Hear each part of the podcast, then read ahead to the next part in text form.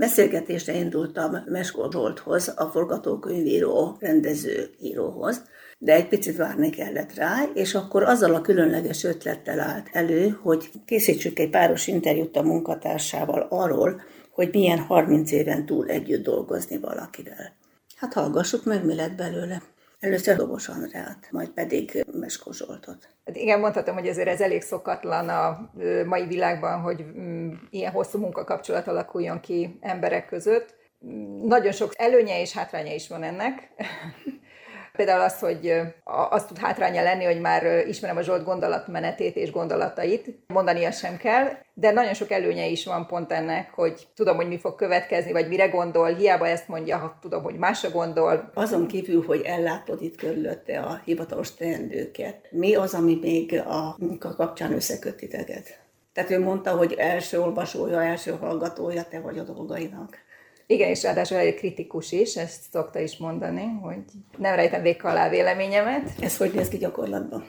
A közös munkánk az például nagyon nehezen és lassan ír, akár gépe, akár tabletten. És ezért, amikor valamilyen nagyobb formátumú mű készül, mondjuk egy forgatókönyv, vagy egy könyv, akkor azt nekem lediktálja.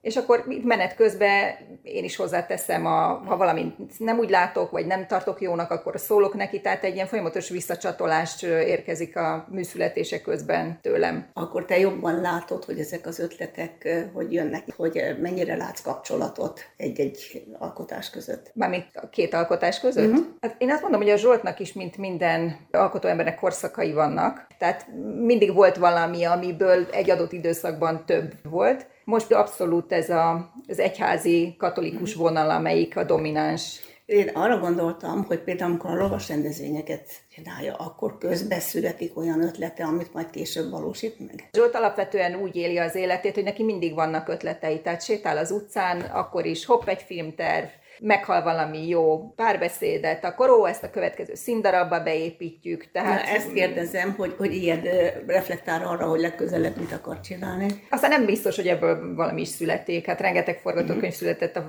fióknak is.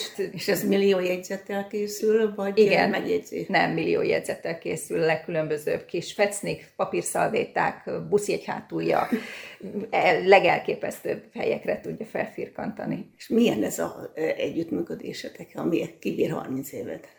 Szerintem harmonikus. Nagyon jól tudjuk kezelni egymást, egymást gyengeségeit, erősségeit. Hogy kerültetek össze? Amikor az egyetemi színpad újjá alakult, akkor oda kerestek egy ilyen irodai, adminisztrációs dolgokat ellátó munkatársat, és oda jelentkeztem, és hát én lettem, akit felvettek, és azóta gyakorlatilag cipel magával. És így szólottok egymáshoz. Igen. És érnek még meglepetések? Vele kapcsolatban? Nem.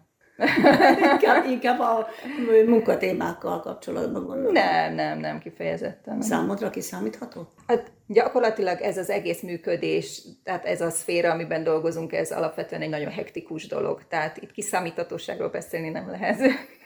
De amennyire lehet, annyira kiszámítható. Akkor azt már meg se kérdezem, hogy mennyire szívesen dolgozol vele. Mert... Azért nagyon szívesen dolgozom vele. Egyrészt azért, mert mint főnök, meg mint ember nagyon toleráns, nem az, aki lenyomja a beosztottját, hanem tényleg egyenrangú partnerként kezeli. Másrészt ugye annak következtében, hogy ennyiféle rendezvényt csinálunk, egy nagyon izgalmas és érdekes, sokszínű munkat, hanem itt mindig vannak újabb és újabb kihívások, újabb és újabb történések, újabb sikerek, újabb kudarcok. Tehát ezek azért nagyon színesé teszik ezt az Tehát életet. Ami, ami azonos, az az adminisztratív része, és az összes többi sodrosz az ő szárnyalásával? Igen, igen, igen, igen.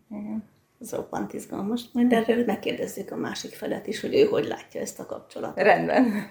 Meskó Zsolt. Egyszer egy baráti beszélgetésben azon gondolkodtunk, hogy kivel tölti az ember a legtöbb idejét az életében, és akkor hát ugye a kutatások azt mutatják, hogy a testvérével mert hát ugye már gyerekkora óta együtt van, és akkor is együtt lesz, míg a feleség, gyerekek, szülők, azok egy, egy viszonylagosabb rövid idő. És akkor ugye eszembe jutott, hogy hát ez, ez stimmel egyrészt, de hát én nem töltök annyi időt a testvéremmel, és akkor kivel töltöm én a legtöbb időt az életemben? És eszembe jutott, hogy az Andreával, tehát a közvetlen kollégámmal, munkatársammal, hát több mint 30 éve együtt dolgozunk, és az azt jelenti, hogy hát egy napi 8 órás munkában, hát hogyha tehát a családommal nem töltök annyit, a feleségemmel, a gyerekeimmel, és így jé, hát mennyi időt eltöltünk, hogy ezt, hogy bírjuk ki egymással. És azon elgondolkoztam, hogy tulajdonképpen mi az, ami két embert összetart, mondjuk egy szakmai kapcsolatba. Hát még a férfiaknál az roppant fontos, hogy mondjuk a közöttünk soha nem merült föl úgymond férfinői vonzalom, tehát én nem udvaroltam az Andreának, nagyon szépnek, kedvesnek tartom, de hogy, hogy nem, nem udvaroltam neki, tehát ez nem rontotta meg így a viszonyt. A, a másik pedig a, az, hogy hogy tulajdonképpen valahogy egy ilyen, ilyen nyugodt környezetben érzem magam mellette, tehát, hogy egy ilyen, egy ilyen befogadó, bizalmas közegbe. Tehát ahol én, ahol én merek magam lenni. Tehát, tehát nem, nem kell szerepet játszani, nem kell ezt csinálni semmit. Tehát, hogy itt vagyok, lehetek én. Tehát lehetek a hülyeségeimmel, nem szólnak meg. A spontán megnyilvánulásaidat szabadon engedheted? Tulajdonképpen igen, igen. Tehát lehetek dühös, lehetek szomorú, lehet rossz érzésem.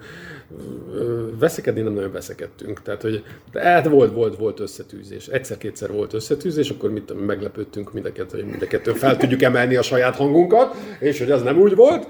És akkor ez, ez az is rácsodálkozás volt, hogy jé, hát, hogy mi is tudunk egymással beszélni. De hát egyszer, ez egyszer-kétszer volt, ez, ez is meglepő. De hát ami szerintem a legfontosabb kötőanyag a, a humor, tehát mi rengeteget nevetünk együtt. Sokszor könnyebb valamit humorral elmondani. Persze, persze, csak a másik meg a világlátás. Tehát, hogy hasonló módon szemléljük a világot, a politikát, a közéletet, a, az egyes eseményekről hasonló reakcióink vannak. Tehát ugye van nekem egy ilyen versidézetem, amit egyébként használok a művészetekre és vagy a párkapcsolatokra és a feleségemmel való viszonyra, és azt gondolom, hogy ez jó. De az Andreára is igaz, hogy egy vers megkezdett sorát te mondott tovább.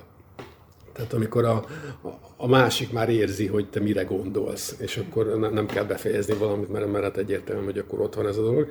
De ami viszont egy érdekes nagy különbség kettőnk között, hogy én hát egy istenkereső vagy hát hívő templomba járó ember vagyok, aki, aki nagyon sokat foglalkozik a munkája folyamán egyházi hitéleti vallásos témákkal. Az Andrea nem hívő, és hogy ennek ellenére teljes mértékben megértjük egymást. és nekem az például egy vicces fordulat volt, vagy többször előfordult már ilyen, hogy diktáltam egy darabot, vagy egy jegyzetet, vagy egy gondolatot, és akkor azt mondta, hogy figyelj Zsolt, ne viccelj, tehát keresztényként te nem mondhatsz ilyet. szóval Andrá, ne viccelj már. És akkor, vagy, vagy, vagy, vagy, egy, egy figura, tehát nem tudom, nem tudom, érdekes volt, hogy egy Szent Péter mondott valamit, arra konkrétan emlékszem, egy, egy darabba, vagy egy figura, és akkor azt mondta, hogy ez a Zsolt, hát nem mond ilyet Szent Péter, hát ez nem ez az idegen De mondom azért, mert azt de nem, nem, nem, és, és, és vicces volt, mert tulajdonképpen hitéleti meg emberi szempontokkal bebizonyította az ellenkezőjét, mint amit én gondoltam. És kinek volt igaz? Neki. A másik meg az, hogy tanácsot lehet tőle kérni. De nem az a típus, aki úgy ad tanácsot, hogy elmondja a tutit. Ami nem rávezet? Nem, hanem tehát ő a klasszikus mentor, jó értelembe vett mentor, tehát hogy, hogy meghallgat. Meghallgat, visszatükröz, hogy most akkor, akkor ezt így látod, meg úgy látod, és akkor inkább kérdéseket tesz fel. Vagy elmondja a saját véleményét, de az se úgy, hogy akkor most ezt, azt a, szerintem így kéne csinálni. Jé, ezt soha nem mondtam. Ez nagyon jó.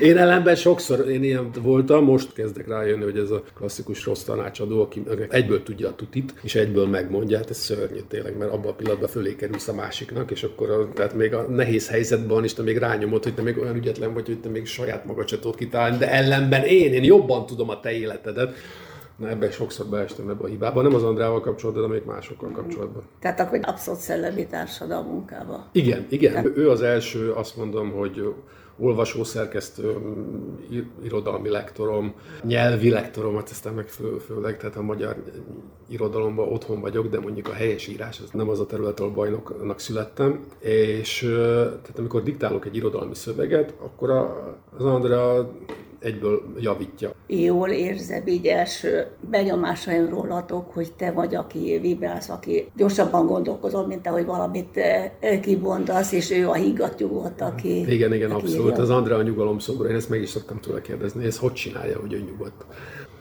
Nem, nem tudom, tehát ez érdekes, mert néha poénból szoktam mondani, hogy hogy lehet Zsolt mellettet kibírni ennyi időt.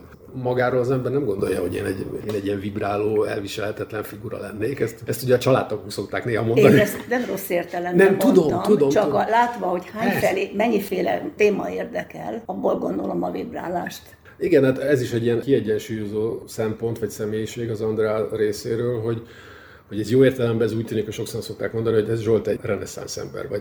A másik oldalról ezt úgy lehet mondani, hogy, hogy nem tudom eldönteni, hogy mivel szeretnék foglalkozni, ezért egy csomó dologgal foglalkozom. Ó, ez nagyon furcsa történet, mert, mert Gondolkoztam rajta, de nem mertem volna föltenni ezt a kérdést, hogy azért foglalkozol ennyi mindennel, mert keresed az utadat, vagy ennyi minden érdekel. Hát azt gondolom, hogy ma már nem keresem annyira az utamat, de, de, de korábban ez, ez biztos jellemző volt. És szerintem van benne egy olyan, egy másfajta attitűd, hogy nagyon sokáig én nem tudtam nemet mondani az életembe. Tehát bárki megkeresett, akkor azt éreztem, hogy nekem, ha engem megkeresnek, akkor ott nekem feladatom van. És akkor ott tennem kell, segítenem kell, vagy el kell vállalnom azt a munkát, és meg kell csinálnom. És így volt idő, amikor nem, nem szelektáltam annyira. Aztán, aztán így rájöttem, hogy vannak olyan típusú munkák, amiket igazából nem, nem, hát, mégse szeretnék annyira, de közben meg egy, kialakult egy ilyen furcsa kettőség, hogy, hogy hát azért fel kell tartani egy céget. Ugye most már csak hárman vagyunk a cégbe közvetlenül, itt a Covid, meg a különböző válságok okán, de hát ez volt valamikor nagyobb is, tehát itt dolgozott 10-12 ember is. De hogy, fenn kell tartanod egy irodát, munkatársakat, akkor nem mondhatod egy munkára, ami egyébként nem kedves a szívednek, hát ezt most nem vállaljuk el, mert tudod, hogy ennyi bevételt kell termelned, ki kell fizetned az adóidat, a nem tudom én, a stb. stb. Tehát, hogy van egy másfajta gondolkodásmód is.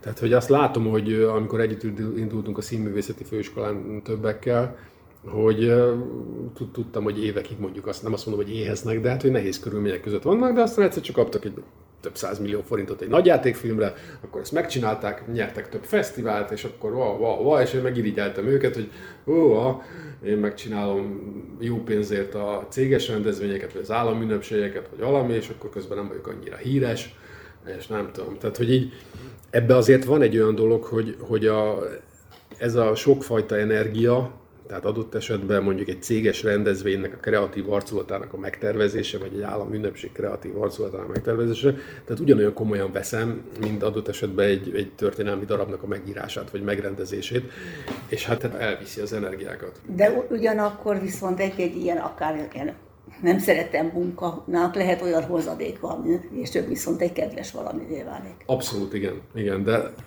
de hogy most már talán meg tudom ezt az egyensúlyt teremteni, és ebben az Andra egyébként mindig példa volt, hogy ő hordozta ezt a belső egyensúlyt. Nekem a legmegrázóbb mondat az volt az Andrától egyszer, de most ez nem az egyensúlyteremtés, csak a kettőnk munkaviszonyára, hogy amikor így volt egy ilyen korszakom, hogy elegem volt ebből a sok munkából, és azt mondtam, hogy na, akkor elmegyek csak színdarabokat írni, mert kész, hagyjuk ezt a rendezvényszervezést, meg mindent, többet nem csinálok, és akkor mondtam, hát fia Andrát, akkor így neked se lesz munkád, vagy hogy akkor mi legyen, és hova mennél dolgozni. És azt mondta, hogy hát ő már így céghez nem menne, mert utána már nincs kedve másokkal bibelődni. Tehát valószínűleg akkor ideig nem dolgozna. És akkor így, nem tudom, ez egyszerre volt egy ilyen megható, meg megrázó is, hogy abból a szempontból, hogy milyen közel vagyunk egymáshoz, hogy, hogy ezt nem is sejtettem. Hát és azóta is együtt vagyunk. Dobos Andreával és Mesko Zsoltal Kéri Juli beszélgetett. A tervezett interjú, hogy ki is Meskó Zsolt, egy külön adásban fog elhangzani, de podcast oldalunkon is elérhető lesz.